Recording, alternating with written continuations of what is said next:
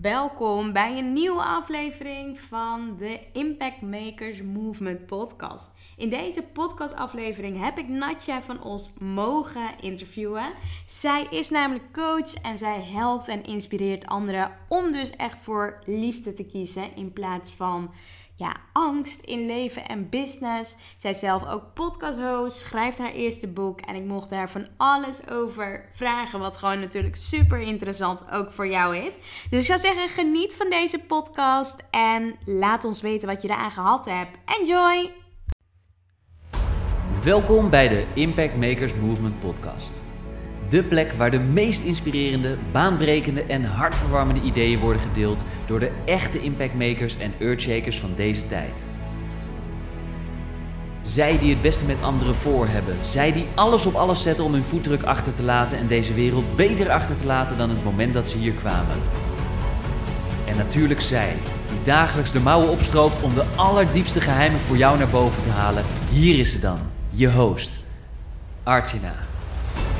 Met duizenden luisteraars bij de Succesverhalen podcast. Meer dan duizend vrouwen te hebben geïnspireerd.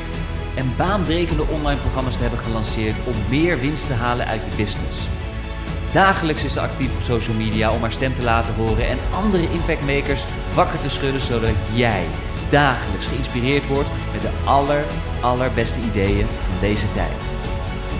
Waar ze met haar sprankelende energie op magische wijze de meest interessante mensen bij elkaar weet te brengen zodat de bijzondere verhalen die nooit, maar dan ook nooit gedeeld worden, eindelijk op tafel komen te liggen.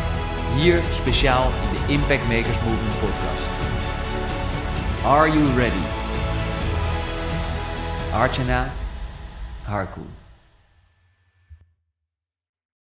Nou, ik zit vandaag hier bij mij thuis in Amsterdam. En ik heb tegenover mij Natja van Os tegenover me zitten. Zij is zelf coach. Helpt ook anderen op gebied van liefde. Op gebied van angst in leven en business. En zij is van de podcast Let Love Rule. En schrijft ondertussen ook haar eerste boek. Waar ik heel benieuwd naar ben. En ik denk uh, jullie luisteraars ook. Maar voor de luisteraars die jou nog niet kennen. Wie is Natja? Ja, goede vraag. En welkom. dankjewel, dankjewel dat ik hier mag zijn. Ik zei net al, ik krijg een identiteitscrisis van. Wie is Nadia? Um, Nadia nu is, um, even hoor, ik heb nu al zeven jaar mijn business. Die ben ik gestart in Bali vanaf mijn laptopje. Mm ik ben daar ook moeder geworden en uh, net bevallen van mijn tweede kindje in Spanje. Dus ik heb zes jaar in Bali gewoond en we reizen nu rond met de family. En wat ik doe is uh, vrouwen inderdaad inspireren om liefde over angst te kiezen en trauma te helen, maar ook door zichzelf te helen, die heling weer door te geven aan de wereld. Dus dat doe ik vooral via mijn mastermind en via mijn podcast en via mijn events. Leuk, ja. Dus eigenlijk best wel veel. Best en, wel veel. Ja, ja, zeker. En je zegt ook, je hebt uh, in Bali gewoond een tijdje. Je bent nu voor een aantal maanden in, uh, in Nederland. Was je ook hiervoor op Bali of was je heel ergens anders? Um, dus we hebben, even kijken hoor, ik vind die tijdlijn altijd zo lastig. Dus we hebben in totaal zes jaar fulltime in Bali gezeten. En toen zijn we ongeveer anderhalf jaar geleden hebben we toch besloten van oké, Bali is zo erg aan het veranderen dat, we, uh, dat het gewoon tijd is om wat nieuws te gaan doen. Mm. Maar we wisten niet waar, want mijn uh, vriend komt uit Nieuw-Zeeland, uh, sterker nog uit de Chatham Islands. Dus dat is echt het, nog een 2,5 uur vliegen van Nieuw-Zeeland vandaan, dus het einde van de wereld, letterlijk. Mm -hmm. En dus we zitten een beetje tussen twee werelden, dus we zijn dan uh, heen en weer aan het reizen tussen Nieuw-Zeeland en Nederland en Europa. Dus we hebben net uh, zes maanden in Spanje gezeten. Oh, wow. Ja, ook vast in de lockdown. Dus daar ben ik Oh. ook bevallen. Wat eigenlijk niet de bedoeling was, maar is zo gelopen. En is ook helemaal goed gegaan. En Fijn. een hele mooie Ja. bevalling geworden. En nu zijn we weer eventjes terug in Nederland. En half september gaan we weer terug naar Nieuw-Zeeland. Mooi. En eh, kan je misschien iets meer vertellen over waarom Nieuw-Zeeland, Nederland, eh, Spanje? Hoe, hoe komen jullie erop?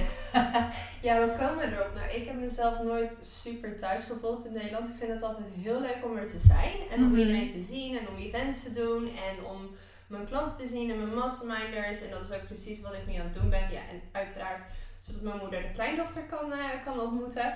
Maar na één of twee maanden is het voor mij altijd wel tijd om weer te gaan. Ik denk dat het ook iets te maken heeft met bepaalde vibraties op eh, Mhm. bepaalde plekken op aarde. Dus ik heb me altijd heel erg thuis gevoeld in Bali, in plekken in Spanje zoals Ibiza. Ehm, ja, en Nieuw-Zeeland vind ik ook heerlijk. Dus eigenlijk zijn we een beetje aan het kijken waar we willen gaan settelen. Mhm. Ehm, en misschien wordt het ook wel gedeeltelijk in Nieuw-Zeeland en gedeeltelijk in Europa. Dus we weten Spannend. Ja, Leuk. Ja, superleuk. Alles En kan. heb je ook, ja, je hebt natuurlijk Nieuw-Zeeland nu op de eerstvolgende planning staan, hè? Voor als jullie eh, weer weg kunnen en langer. Ja, gaaf. En je hebt ook kindjes, hè? Twee. Twee. Mijn Oh, baby wauw. is nu twee maanden. En hoe is het dus om met de baby van twee maanden te reizen?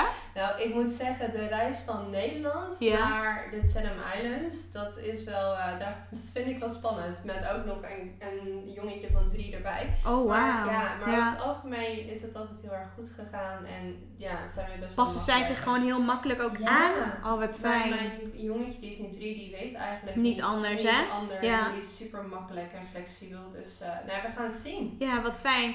En voor eh, de luisteraars die bijvoorbeeld ook kids hebben en ook eigenlijk misschien wel graag vaker op vakantie willen met de kids of eh, ja, verre, verre plekken zouden willen bezoeken, wat raad je hun aan? Hoe, hoe kun je ervoor zorgen dat je kids eigenlijk makkelijk, te, ja, makkelijk erin meegaan? Ik denk zelf makkelijk zijn. Ja, ik denk Dus het je ook. kan doen Ja. je wilt, maar het gaat denk ik vooral om hoe je bent, het zijn. En die vibratie pikken je kids vanzelf Ja. weer op. Dus Ja, zolang jij eh, relaxed bent en makkelijk bent, dan is mijn ervaring, maar Ja. misschien heb ik ook gewoon heel erg mazzel gehad met mijn kids, eh, dat ze eigenlijk ook heel relaxed zijn. En ik Ja. geloof ook wel dat je kinderen zich echt veilig voelen bij hun ouders. Klopt, dus ze zijn zeker. altijd bij ons. En, maar dat is wel de reden waarom we ehm, over één of twee jaar wel een beetje willen gaan settelen. Want dan is mijn jongste, of mijn oudste is dan vijf, dus dan wordt het ook wel tijd om eh, ja, naar school Ja. te gaan en zo. Zeker. Ja. Ja. bijzonder. Heel mooi. En wat je ook net zei hè, over het stukje vibreren en hoe je, hoe je jezelf natuurlijk voelt, eh, dat straal je ook uit, Mm. ook met de kids.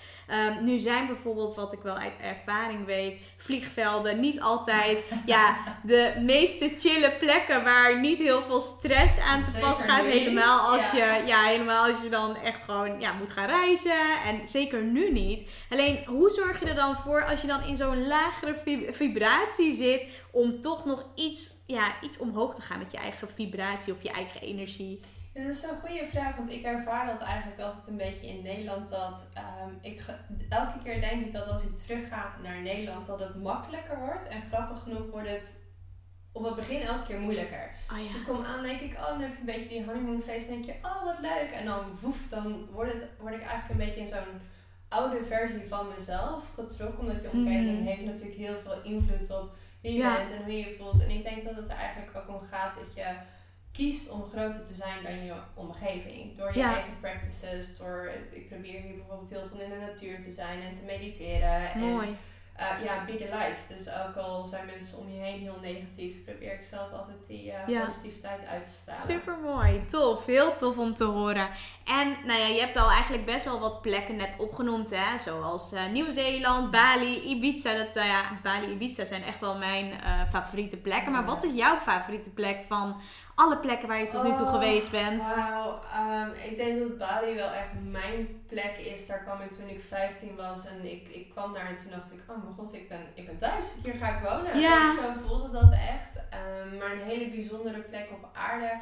Ik heb ook in India gestudeerd als een oh, ja. exchange student. En uh, daar vlakbij in de buurt heb je de Andaman-eilanden. Oh, ja. Dat was echt paradijs. Ja? Echt, ja, als je ooit de kans hebt om daarheen te gaan, doe het. Ja, oh ja, gaaf. Ja, ik ben ja. wel zelf wel eens een aantal keer naar India geweest, maar niet echt naar die eilanden of iets dergelijks. maar dat is dus echt een aanrader. Ja, echt en wat was er dan prachtig. precies magisch aan? De mensen of de plek, de omgeving? Alles. Er was gewoon niks.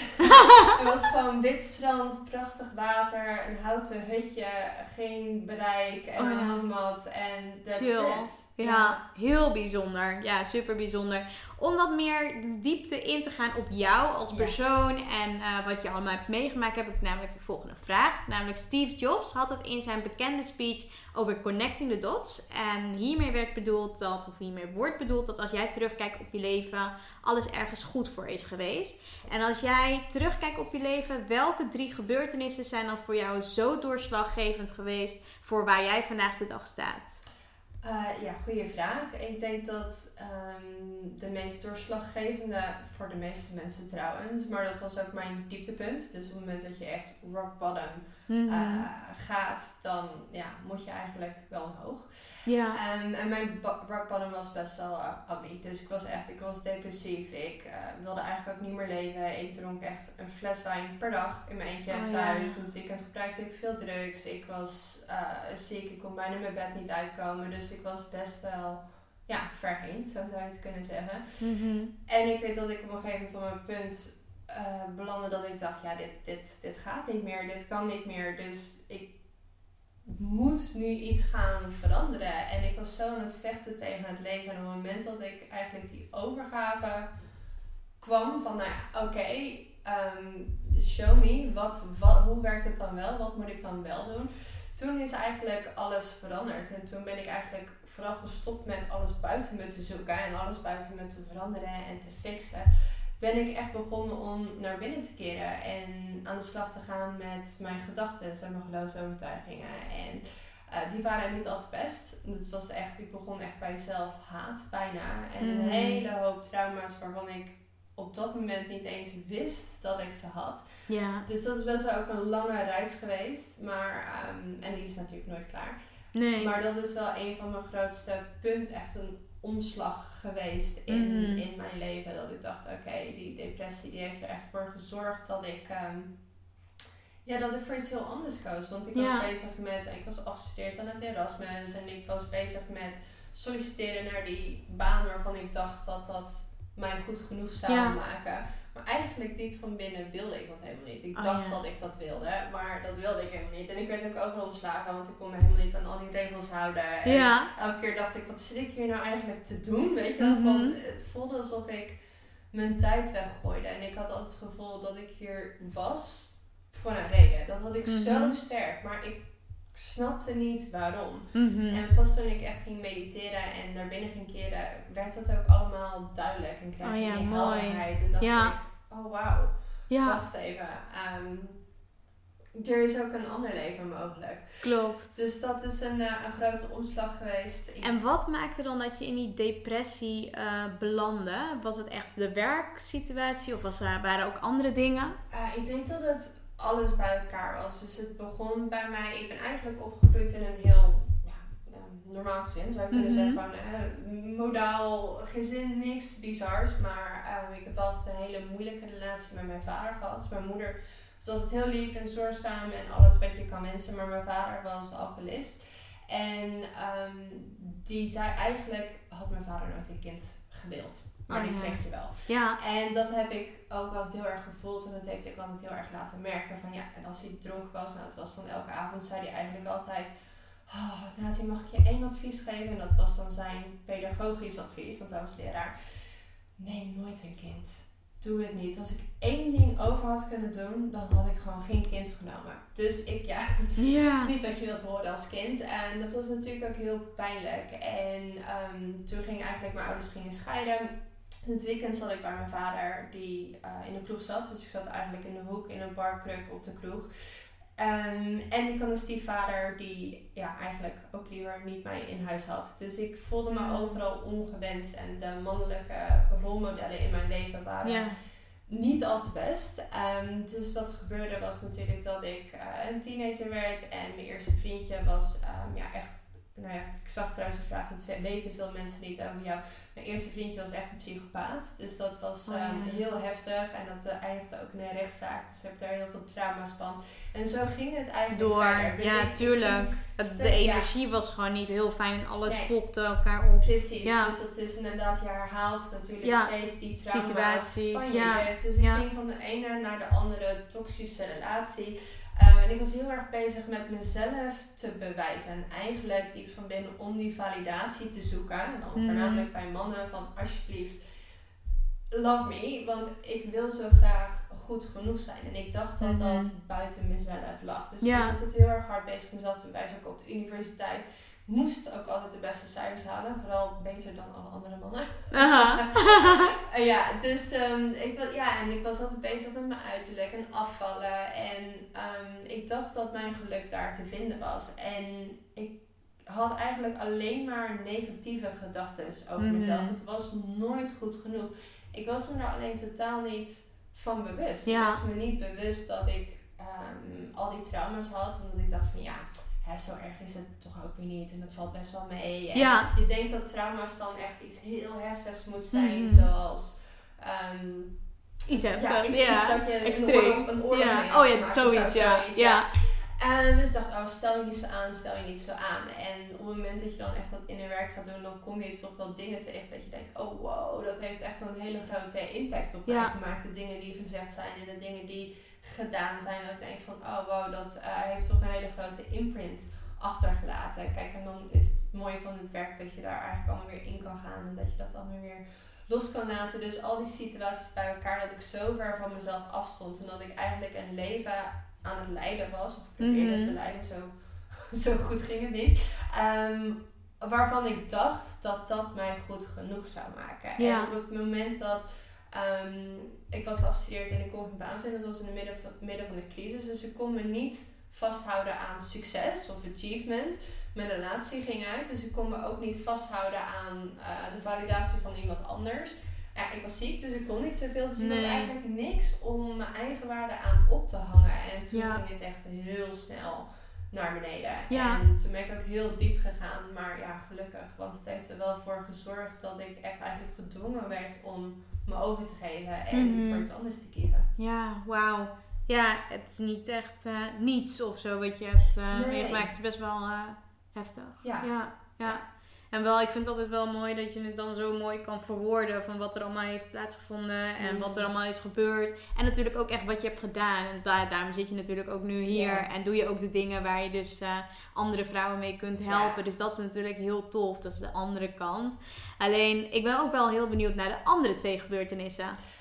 Oh, ehm, ik denk dat ehm, de beslissing om met echt een one-way ticket en geen geld en geen plan naar Bali te verhuizen. Ik was op dat moment bezig met mijn PhD. Dus ook overigens iets wat veel mensen niet weten. Ik wilde heel graag professor worden op ehm, het Erasmus. Want Oh ja. ik, ehm, ik had mijn, mijn master gedaan en ik dacht, oké, ik heb deze hele studie gedaan. Maar ik heb alleen maar geleerd hoe ik winst kan maken. En mijn master ging over ethiek en dat was eigenlijk alleen maar window dressing. Hoe, ehm, hoe zorg je dat een bedrijf dat niet ethisch is, er ethisch uitzien. Dus toen dacht ik, nou jongens, wat is Mhm. dit? Dus toen ben ik mijn PhD in onderzoek begonnen over ehm, hoe je corporaties daadwerkelijk meer ethisch kan maken en waar al die corruptie vandaan komt. Dus daar was ik mee bezig en ik wilde daar graag eh, professor in worden.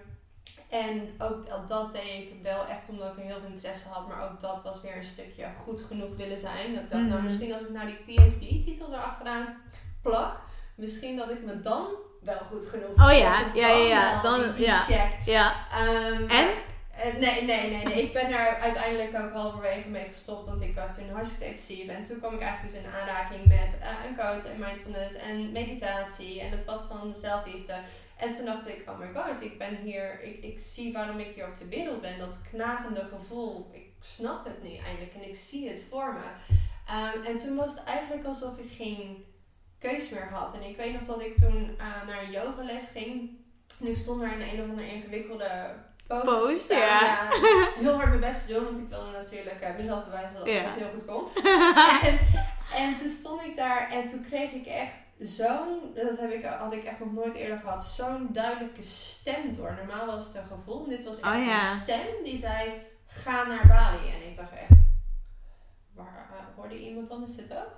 Waar, waar komt dit vandaan? Ik, ik ging ook echt zitten en ik dacht, oké, oké, nou ja, oké. En toen heb ik dezelfde dag nog een ticket geboekt. Wauw. Ja, en toen ben ik gegaan en eh, ja, En ging je alleen of ja, Oh, op dat moment wel. En ik had echt, ik raad het ook niemand aan.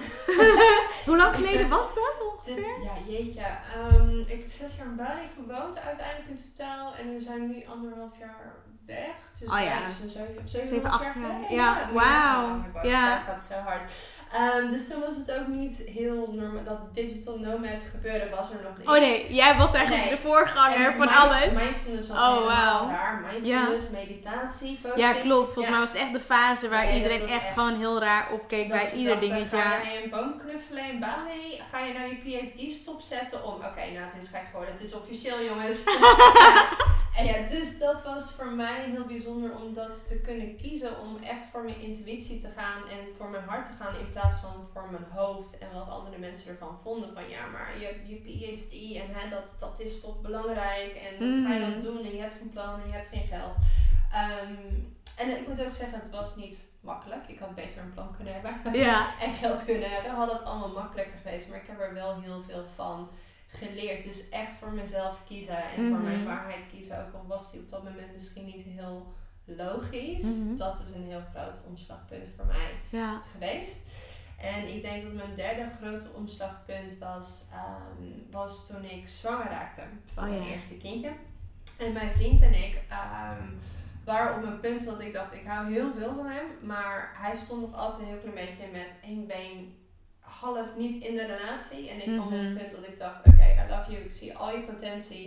Ik zou met jou oud willen worden, maar ik verdien beter dan dit. Ja. Dus ehm, wij hadden ons eh, uitmaakgesprek, heel emotioneel. En tijdens mijn uitmaakgesprek eh, werd ik zwanger. Oh echt? Oh wauw. Ja. En toen dacht ik, oh, oké. Ik ben, oh wow, dus dat was echt een, eh, een shock. Dus dat was totaal niet gepland. En eh, toen stond ik eigenlijk een beetje op een punt dat ik dacht van ja, en nu? Want ik was heel goed in wat ik deed. Dus de coaching en, en de healing. En dat ging mij heel natuurlijk af. Alleen het business gedeelte, het ondernemersgedeelte, Mhm. dat liet ik een beetje hangen. Ik dacht altijd van ja, maar hè, ik wil gewoon mensen helpen. En ja, dat geld dat, dat hoef ik niet per se ervoor te ontvangen. En ik gaf iedereen een discount. En eh, hartstikke lage prijzen. En ik Oh ja. nam het ondernemersgedeelte eigenlijk... Ja, vond ik heel lastig. Dat kapte ik een beetje af. En ik denk misschien ook door de studie die ik heb gedaan... dat ik er zo'n afkeer van had gekregen. Mhm. En toen werd ik zwanger. Toen dacht ik, oké, wacht even. Ik kan net mijn huur betalen. Dat is niet zo heel handig. En nee. eh, mijn, nou ja, toen, weet niet wat hij toen was, vriend, ex-vriend, vader van mijn kind was hij ja. toen. En die had al zijn geld in een start-up gestoken. Oh. En die had niks meer. En toen dacht ik, oké, maar wacht even, nu ben ik zwanger. En moet ik dus mezelf en een kind, en het ziet er ook naar uit dat ik hem moet gaan onderhouden. Dus hoe ga ik dit doen? En dat was voor mij echt een omslagpunt dat ik dacht, oké, nee, dit ga ik helemaal anders doen. En Mhm. toen ben ik mezelf ook echt als ondernemer gaan zien. En uiteindelijk ben ik ondernemen echt heel erg leuk gaan vinden. Ja, En leuk. geld verdienen ook heel Ja. erg leuk gaan vinden. En Maar ook mooie mindset. omslag. Ja, Ja. tof. Ja. Eigenlijk door de kids. Op de eerste. Ja, dat Ja. dacht, maar het is toch bijzonder dat je dan denkt van, oké, wacht even. Nee, dit is echt het moment waarop ik het anders ga doen. En waarop het anders mag. Super mooi. Ja. Heel tof zeg. Echt heel tof. En eh, de derde gebeurtenis, of hebben we er al drie gehad? we hebben er al drie. gehad, hè? Ja, ja, ja, ja, wel allemaal echt super bijzonder. Gewoon al die eh, gebeurtenissen en dingen die je hebt meegemaakt. Want wat ik namelijk ook heb gezien, dat was volgens mij op je website of Instagram. Volgens mij was dat Instagram. Daar zag ik op een gegeven moment een bepaalde zin. Choose love over fear in life and business. Maar kun je daar iets meer over vertellen? Waarom heb je dat daar gezet? Ehm, omdat, nee, we hadden net al het gesprek erover. Ik ehm, vond het heel moeilijk om mezelf een titel te geven. Eigenlijk Mm. vind ik die titel ook niet zo belangrijk. Nee. Maar ik doe heel veel en mijn passie is eigenlijk echt om de. Ik ben eigenlijk echt de healer healers. eh, de, de healer van healers. Dus alle meiden of vrouwen die bij mij komen, die geven het eigenlijk ook weer door. En, Oh, tof. Ja, dus dat, dat trek ik echt aan en dat heb ik ook echt. ehm, ja, echt heel erg omarmd. En ik word er ook echt heel erg vrolijk van en blij van en gelukkig van om met die vrouwen te werken. Ehm, dus de één op één sessies zie je eigenlijk dat zij zelf dat werk ook vaak gaan doen. En oh, sorry, ik raak, ik raak helemaal mijn draad kwijt. Nou ja, mijn mastermind. eh, Maar ik heb het over zoveel verschillende onderwerpen. Ik heb het over ondernemen, ik heb het over manifestatie, ik heb het over money mindset, ik heb het over zelfliefde, ik heb Mhm. het over traumaheling. En ik heb allemaal zoveel passie voor al die dingen. En toen dacht ik, ja, maar oké, maar wat doe ik dan eigenlijk? Ja. En als je echt heel die helemaal terugbrengt naar de essentie, Mhm. dan leven we eigenlijk in een binaire wereld. Het zijn alleen maar nulletjes en eentjes. En is er eigenlijk alleen maar of angst of liefde. Mhm. Dus als je terugbrengt naar de essentie, gaat het eigenlijk om dat jij een keuze gaat krijgen of je voor die angst of liefde kiest. En Ja. ik geloof dat dat al het verschil gaat maken in je leven, in je relatie, in je business. ehm, Mhm. en dat dat de omslag is. En op het moment dat je voor liefde kan kiezen en vanuit die plek kan gaan komen, ga je ook manifesteren. Dat Mooi. is- Je manifesteert Ja. natuurlijk altijd, maar ga Ja, je of het goed mooie, of eh, ja. mooie dingen klopt. manifesteren. En Ja. kan je ook, geloof ik echt, dat iedereen dat droomleven ook kan creëren. Zeker. Dus wat je eigenlijk hiermee eh, zegt is op het moment dat jij durft voor, eh, ja, voor liefde te kiezen Mhm. in je leven, in je business, dan manifesteer je eigenlijk gewoon datgene wat je voor ogen hebt. Ja. ja, ja, dat, daar ben ik het mee eens. Ja. Ja, zeker. En ehm, ja, is dat het moment wat je dus ook net vertelde in die gebeurtenissen, dat moment dat je eh, ja, volgens mij zwanger raakte, dat dat het kantelpunt is eh, geweest voor jezelf, dat je meer voor liefde bent gaan kiezen, of was dat ervoor ook al?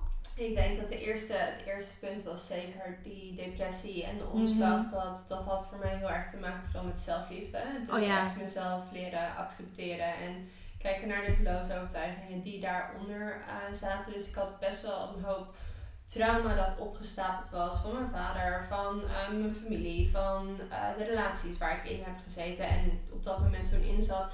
Dus ik heb heel lang aan die relatie met mezelf gewerkt. Maar op een gegeven moment was het dus ook tijd om bijvoorbeeld de relatie met geld te helen. Die Mhm. bij mij heel eh, complex was op dat moment en niet al te best. En ehm, om de relatie met mijn partner te helen. En om samen echt een, een partnership te vormen en goede ouders te zijn. Want waar we nu zijn samen is prachtig. Terwijl we Mhm. van een gebroken relatie eigenlijk vandaan kwamen. Oh ja. Dus ja. dat zijn allemaal verschillende onderwerpen waar ik steeds weer opnieuw die keuze heb gemaakt Mhm. om daarin verliefd te, te Ja. kiezen. En ik denk dat je nooit klaar bent, dat je altijd wel weer een laagje dieper kan gaan. En Zeker. kan gaan. ja. Ja. Ja, en ja, jij helpt natuurlijk ook vrouwen op gebied van angsten en liefde, noem maar op, en het hele daarvan. Maar wat is nou echt de grootste angst die je vaak voorbij hoort komen bij anderen? En hoe zou je hiermee eh, volgens jou om kunnen gaan? Ja, als je zegt angst, dan het is dus niet dat we of heel de dag vol liefde rondlopen of heel de dag bang rondlopen. Maar als je zegt angst, bedoel je dus ook weet je, anxiety, woede, verdriet. ehm, Ja. Dus dat, het is eigenlijk allemaal gedreven uit een angst. En ik denk dat onze allergrootste angst, of we daar nou bewust van zijn of niet, is dat we niet goed genoeg zijn zoals ze zijn. Mhm. Dat is eigenlijk onze universele pijn. En daarom is zelf, het werk van zelfliefde ook zo ongelooflijk belangrijk. Ehm, en ik krijg heel vaak van mensen. Hoi Nadia, en ik lees over, ik lees je Instagram en je blogs en je podcast. En nou ja, dat, dat zelfliefde en die heling. Heb je een tip voor mij? Mhm. Maar mijn tip is dat er eigenlijk niet echt een tip bestaat, maar dat je het werk moet gaan doen. En dat is een heel proces. En Ja. hoe dan? Nou ja, dat doe ik eh, natuurlijk in mijn één op één sessies, maar dat is ook de reden waarom ik een boek aan het schrijven ben. Ja. Omdat ja, je kan het niet in één tip bewoorden. Dus het hele proces van traumaheling en van hoe verander je je geloofsovertuigingen, je vibratie en Mhm. manifestatie en al die onderwerpen kan ik gewoon lekker een heel boek over schrijven. Waarschijnlijk gaat het er twee worden, denk ik. Oh, wauw. Ehm, en zeggen van hier, hier heb je heel het proces Ja. ehm, staan. Ja, gaaf. En is dat ook eh, wat je net vertelt, hè, die topics wat je net benoemde? Eh, gaat daar dan ook echt je boek over? Want kan je daar al iets meer over vertellen? Ja, dat is ook echt waar mijn boek over gaat. Dus Oh eigenlijk de, de, het oude loslaten. Dus de oude lagere vibraties, de oude overtuigingen en emoties en pijnen van vroeger. En waar die vandaan komen en hoe je die zelf kan helen. Want uiteindelijk kan je het natuurlijk alleen maar Ja. zelf doen. Maar ook hoe je hele mooie nieuwe overtuigingen aan kan gaan nemen. En je relatie met jezelf kan helen. De relatie met anderen kan gaan helen. En ook echt kan gaan manifesteren. Dus in plaats van dat je een slachtoffer bent van de wereld om je heen en dat gebeurt. Mhm. Dat je eigenlijk de co-creator van je eigen leven gaat worden. En dat alles mogelijk is. Ja, tof. Ja. Super mooi. En wat je ook zegt, hè, eh, je bent nu bezig met het schrijven van het boek. Heb je al een beetje idee wanneer je die uit wil brengen? Of wanneer die af moet zijn? Of... Nou, de Heb- bedoeling is dat we, ik ehm, in de challenge ga schrijven, dus in Nieuw-Zeeland. Mhm. Ehm, dus ik hoop volgend jaar rond de zomer. Oh ja, Ja, dus spannend, echt, leuk. eh, ja. Als we daarheen gaan, ga ik echt beginnen beginnen. Ja. Gaaf, gaaf. En welk boek heeft nou echt heel veel impact op jouw leven gemaakt? Of wel je leven veranderd? Is er een boek waarvan je denkt, oh ja, dat is echt wel... Ik denk dat het een van de eerste ehm, self-help of spirituele boeken Mhm. die ik gelezen heb, was eh, echt een klassieker, Louis Hay van Oh ja. Heal Your Ja. Life. En dat heeft echt een hele grote impact op mij gemaakt. Mooi. Ja. Tof. Super tof. En wat is nou jouw ultieme missie? Mijn ultieme, nou ik leef eigenlijk mijn ultieme missie al, maar misschien om hem echt ultiem te maken ehm, op nog grotere schaal en nog meer wereldwijd. Gaaf. Mo- mooi. En waar zie je jezelf bijvoorbeeld over drie tot vijf jaar? Eh, dan zou ik graag een heel fijn, mooi familiehuis willen hebben. Met een hele grote tuin en een hele hoop natuur om heen. Misschien wel twee familiehuizen aan allebei de kanten van de wereld. Zijn, we allebei, Ja. eh, zijn allebei de families happy. Ehm, en eigenlijk doen wat ik nu ook wil, alleen op grotere schaal. Ja, Leuk joh, superleuk. Nou, en ja, je bent natuurlijk zo nu en dan ben je in Nederland. Heb je ook Nederlandse ondernemers die je bewondert? En zo ja, wie? Ik vind heel veel eh, ondernemers, vooral de vrouwen in Nederland, heel eh, inspirerend. Maar ik denk degene bij wie ik afgelopen jaar heel veel inspiratie vandaan heb gehaald is Floortje Lopez. Dus Oh ja, is leuk. Ook mijn, eh, Ja. ook mijn coach, mijn business mentor geweest. Oh ja, leuk. En daar heb ik ook heel veel van mogen leren. Ja, gaaf. Super gaaf.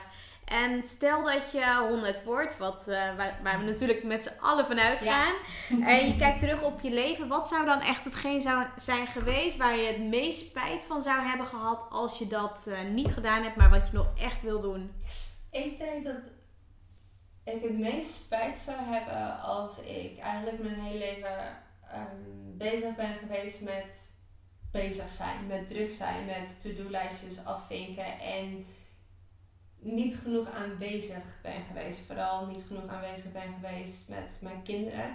En eigenlijk ben vergeten om echt te genieten. Want Mhm. ik denk dat dat zo makkelijk gebeurt. We Ja. zijn zo bezig met die impact maken en met achieven en Ja, uh, meer en groter, wat allemaal fantastisch is. Maar uiteindelijk denk ik aan het einde van je leven, kijkt niemand, goh, hoeveel heb jij nou gedaan op een dag ja, in je leven? Of denk je eigenlijk niet van, goh, hoe, hoeveel heb ik geachieved? Ik denk dat je dan toch terugkijkt met, de momenten.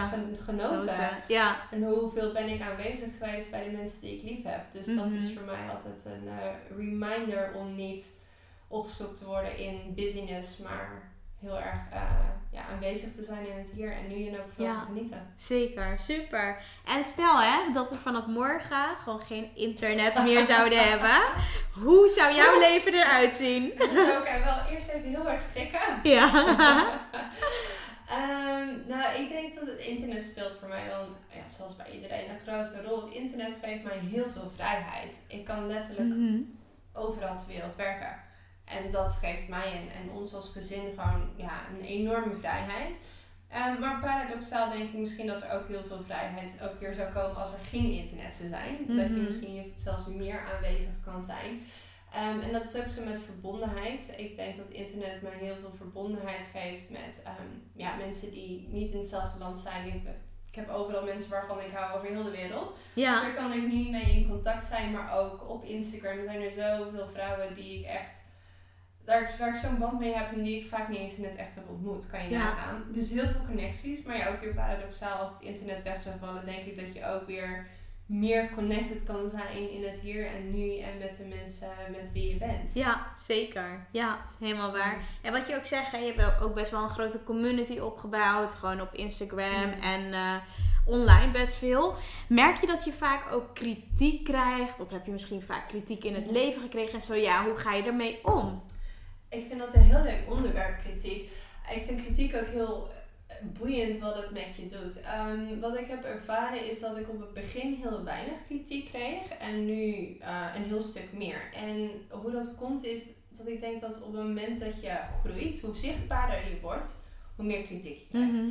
Dat, dat is gewoon zo. En ik denk dat hoe meer je authentiek bent, dus hoe meer jij in je waarheid gaat staan en hoe minder veilig jij jezelf houdt, hoe meer kritiek je ontvangt. Maar ook hoeveel, hoe meer je mensen hebt die echt denken, oké, I love it, dit is helemaal voor mij. Mhm. Dus het is een beetje die wet van polariteit dat het het dubbel is. Dus ik denk dat aan de ene kant een hoop kritiek ontvangen ook goed is. Het betekent dat je groeit. Het betekent dat je jezelf niet meer veilig houdt, in die comfortzone houdt. En Ja. ehm, ik check bij mezelf dus ook heel vaak als ik content eruit ehm, doe, zoals mijn podcast of een post op Instagram of een nieuwsbrief. Ben ik mezelf veilig aan het houden en denken, oké, stoot ik niemand voor zijn hoofd en hè, vindt iedereen me dan wel leuk en aardig? Mhm. Of zeg ik echt waarvan ik denk dat dit is wat nodig is om mensen te helpen, ook al kan het triggering zijn? Of is het echt nodig om eh, de wereld een betere plek te maken, ook al ehm, vinden mensen dat moeilijk? Mhm. Dus ik krijg nu een stuk meer kritiek, zeker de laatste tijd, omdat ik ook heb gekozen om ehm, over bepaalde onderwerpen te praten die ik zelf heel belangrijk vind. En waarvan ik dat, denk dat het heel erg kan bijdragen. ehm, ja, waar, wat gewoon heel triggering is voor mensen. Mhm. En wat zijn dan die onderwerpen? eh, eigenlijk vooral over wat er op dit moment in de wereld gaande is. Ja. Ik, echt, ik heb er nou echt vandaag trouwens een podcast over uitgebracht. Over dat het stukje van het, het oude naar het nieuwe gaan. Mhm. En dat heel veel systemen eigenlijk outdated zijn. En ook vanuit, nou ja, het komt dus mijn oude ik weer terug. Vanuit corruptie. ehm, vanuit corruptie zijn en niet kloppen.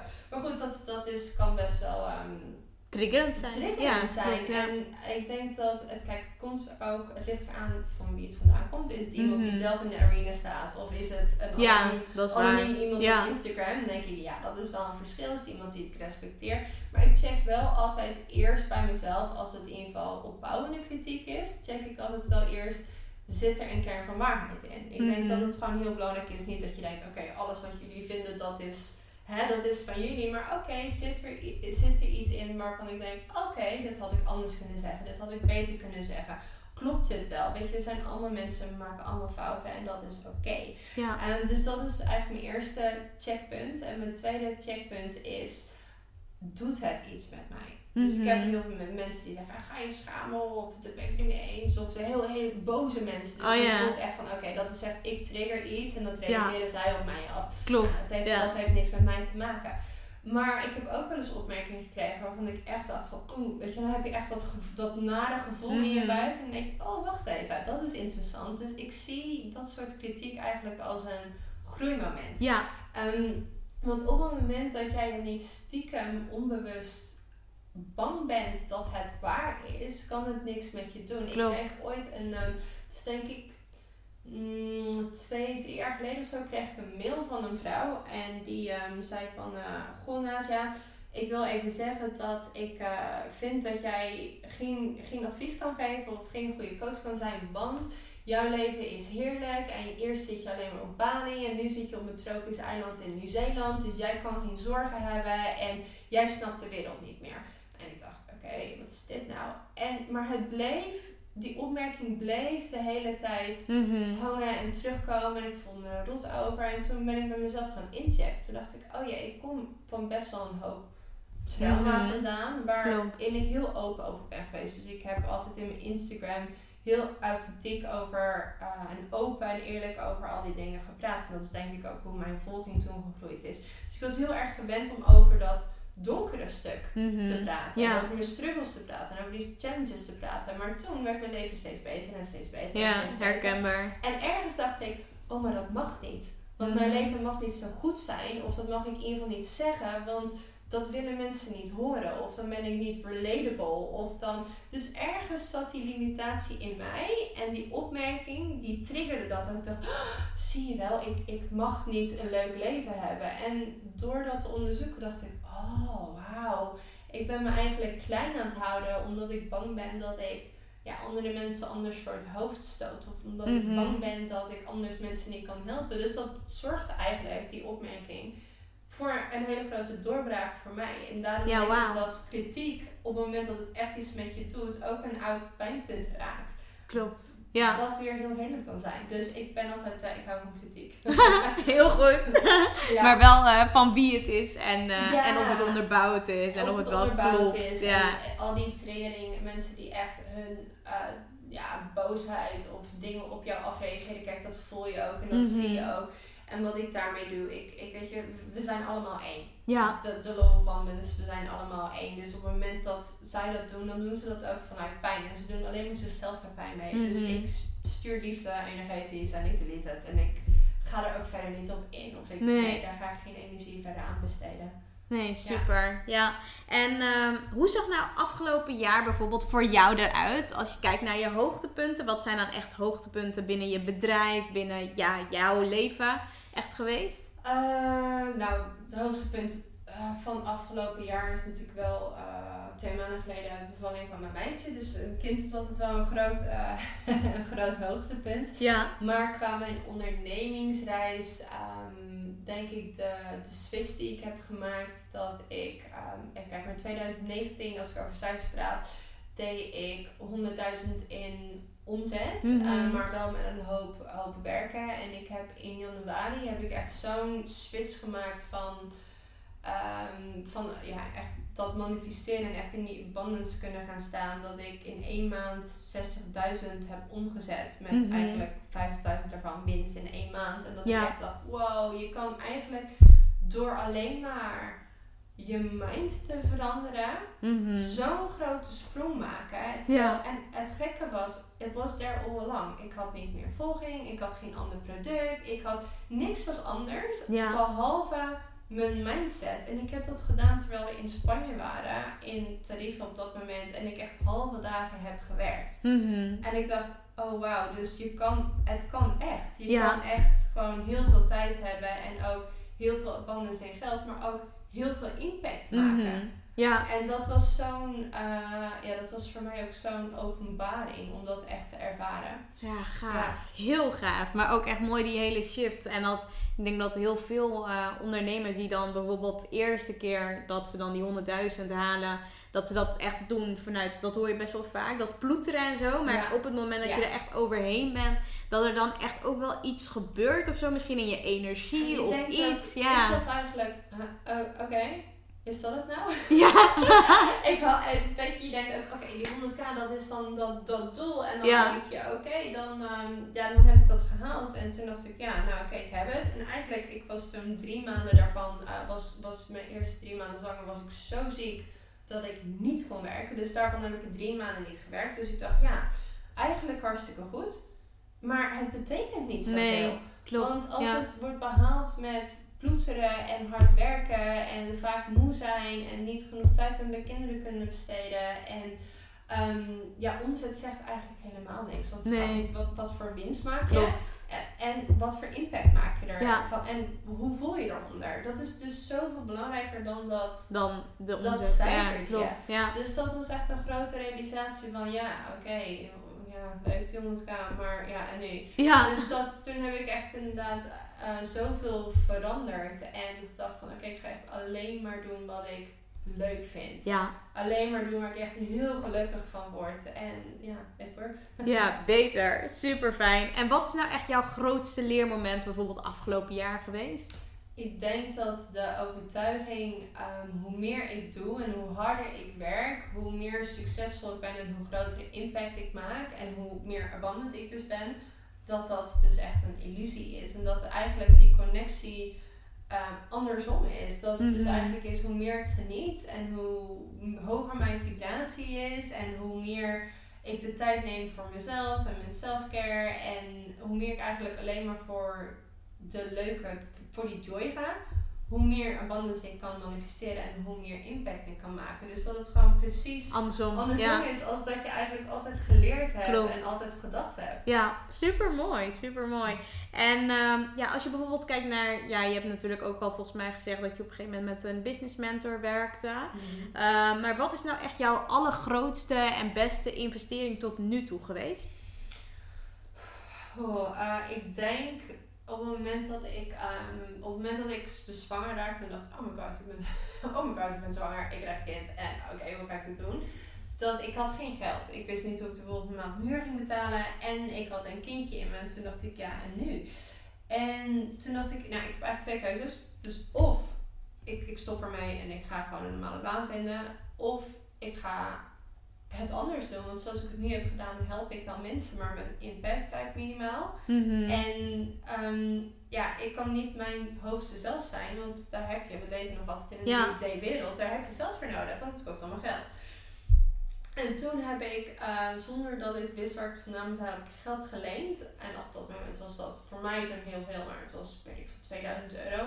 Om ehm, een coach in te huren. Die deed daar een retreat. En dat ging echt over money mindset en abundance en noem het maar op. En ehm, hoe je je business eigenlijk op kan zetten. En dat geld uitgeven, dus ook energetisch zeggen van oké, ik heb dat vertrouwen. Mhm. En ik maak die commitment. En die shift heeft ervoor gezorgd dat ik eigenlijk tijdens mijn zwangerschap al ehm, mijn omzet verviervoudigde. Mhm. En toen ik bevallen was, eigenlijk in één keer de familie kon onderhouden. Terwijl hier daarvoor, ja, ik net mezelf nog net niet kon onderhouden. Nee. zeg maar. Dus echt leren om te gaan investeren. En dat vragen mensen ook die mij echt vanaf het begin volgen. Die zeggen altijd, hè, maar in één keer ging alles zo hard. En zo groot en groeide je business zo hard. En dat was echt die omslag dat ik durfde nooit te investeren. Want ik dacht altijd, oké, maar ik heb geen geld. Dus ik moet eerst geld verdienen. Als ik Mhm. geld dan heb verdiend, dan kan ik het uitgeven. Ja, Maar het werd precies andersom. andersom. Ja, true. Ja, helemaal Ja. mee eens. Ja, bijzonder. Ook wel mooi dat je het ook zo deelt. Want zoveel mensen lopen daar tegenaan. Die dan die gedachte hebben van... Oh ja, ik ga eerst geld verdienen. Ja. Of ik ga eerst Ik met dit eerst zelf, zelf doen. Ja, zelf Oh, proberen. ik heb webinars en Ja. freebies en Ja. e-boeken en hou op, schei uit. En je raakt er alleen maar meer van door de war. Ja. Want de een zegt dit en de ander zegt het tegenovergestelde. En op een gegeven moment Weet je het gewoon niet meer. echt, wat? Waar ben ik beland? Wat is dit? Ja. En hoe vaker je ook zo'n ding aanklikt, hoe meer je tijdlijn ook die ads tevoorschijn komen. ja, nee, dat, eh, dat was een van mijn beste beslissingen ooit om echt te investeren in een business Ja. scout. En dat ben ik ook altijd blijven doen. Ja, super mooi, super mooi. En eh, nou, zijn er ook, ja, wat zijn eigenlijk jouw plannen, doelen voor de rest van het jaar? Nou, ik heb hem eh, voor mezelf eigenlijk een. mijn doel is dat ik dit jaar echt heel erg ga genieten van mijn baby. En dat ik eh, zes maanden van dit jaar eigenlijk nou, zo goed als niet werk. En eh, dus eigenlijk part-time werk. En vooral heel veel ga genieten en mijn boek ga schrijven. En daarmee in plaats van 100k omzet, 100k winst ga doen. Maar dat gaat zoals het er nu uitziet eh, heel makkelijk lukken. Mhm. Dus dit is echt het jaar om te zien van oké, ik mag genieten, ik mag al die tijd nemen, ik mag doen wat ik leuk vind en ik mag daar heel lekker daarmee verdienen. En Ja. dan volgend jaar ehm, wordt het alweer tijd om ehm, andere doelen te zetten. Maar ik wil dit jaar echt ja, lekker van mijn kindje genieten en mijn boek Zo fijn. Ja. super. Ja, mooi. Mooie plannen, mooie doelen en, Ja. eh, en vooral ook lekker genieten. Nou, ik wil je in ieder geval bedanken voor dit toffe gesprek. Ik vond het echt heel leuk. Ja, en eh, heel zijn. inspirerend, dat vooral. Ehm, heb jij nog een afsluitende les of takeaway of advies wat je mee wil geven aan de luisteraars? Ik denk voor alle vrouwen die, die ondernemen of willen gaan ondernemen. Ik denk mijn belangrijkste inzicht, dat is ook waarom ik zo erg van die mastermind hou, is dat je business kan gewoon nooit harder groeien dan jouw mind. Dat is, dat is de grootste groeifactor. Dus op het moment dat je ergens vastzit, en ik heb het zo vaak meegemaakt dat ik denk, oké, wacht even, ik kom niet verder, ik, ik weet niet hoe ik hier ook goed verder moet groeien. Ehm, je denkt dat het de volgende strategie is. Of je denkt, oké, nee, ik ga naar een ander platform. Of ik ga het allemaal doen. Ik ga en die podcast en dat en dat en dat en dat beginnen. En natuurlijk zijn de strategieën belangrijk. Ik hou van strategieën en Excel sheets en noem het maar op. Maar jouw mindset, de geloofsovertuigingen die je daar omheen hebt. En zeker over geld op het moment dat het gaat over ondernemen en over jezelf. En de energie achter je business. Die is zoveel belangrijker dan wat voor strategie dan ook. Mhm. Ja, Ja. True. Dankjewel. Ja, ik vond het echt super fantastisch. Ik wil je bedanken. Ik zal ook erbij zetten natuurlijk waar mensen je kunnen vinden. Maar misschien wil je dat zelf ook nog een beetje delen. Waar en eh, Eh, hoe kunnen mensen je vinden? Ja, ik heb op dit moment heel veel lol in mijn podcast. Oh ja, leuk. Ja. Dus de Let Love Roll podcast. Dus daar kan je ehm, waardevolle content van mij beluisteren. En natuurlijk op mijn Instagram, Nadia van Os. Ehm, ja, dat zijn wel de ple- twee plekken waar ik het meeste te vinden ben op dit moment. Ja, superleuk. Nou, ik wil je bedanken. Ik vond het echt leuk eh, om dit gesprek met je aan te gaan. Thanks. Dankjewel. En zo zijn we alweer aangekomen bij het einde van deze episode van de Impact Makers Movement podcast. Namens iedereen en natuurlijk Archana, hartelijk bedankt voor het luisteren en we horen je graag terug in een van onze volgende episodes. Graag willen we je vragen om ons te helpen en onderdeel te worden van de Impact Makers Movement podcast door een positieve review achter te laten op iTunes met natuurlijk 5 sterren. Want op die manier ben jij, net als wij, een echte impactmaker. Tot in de volgende episode.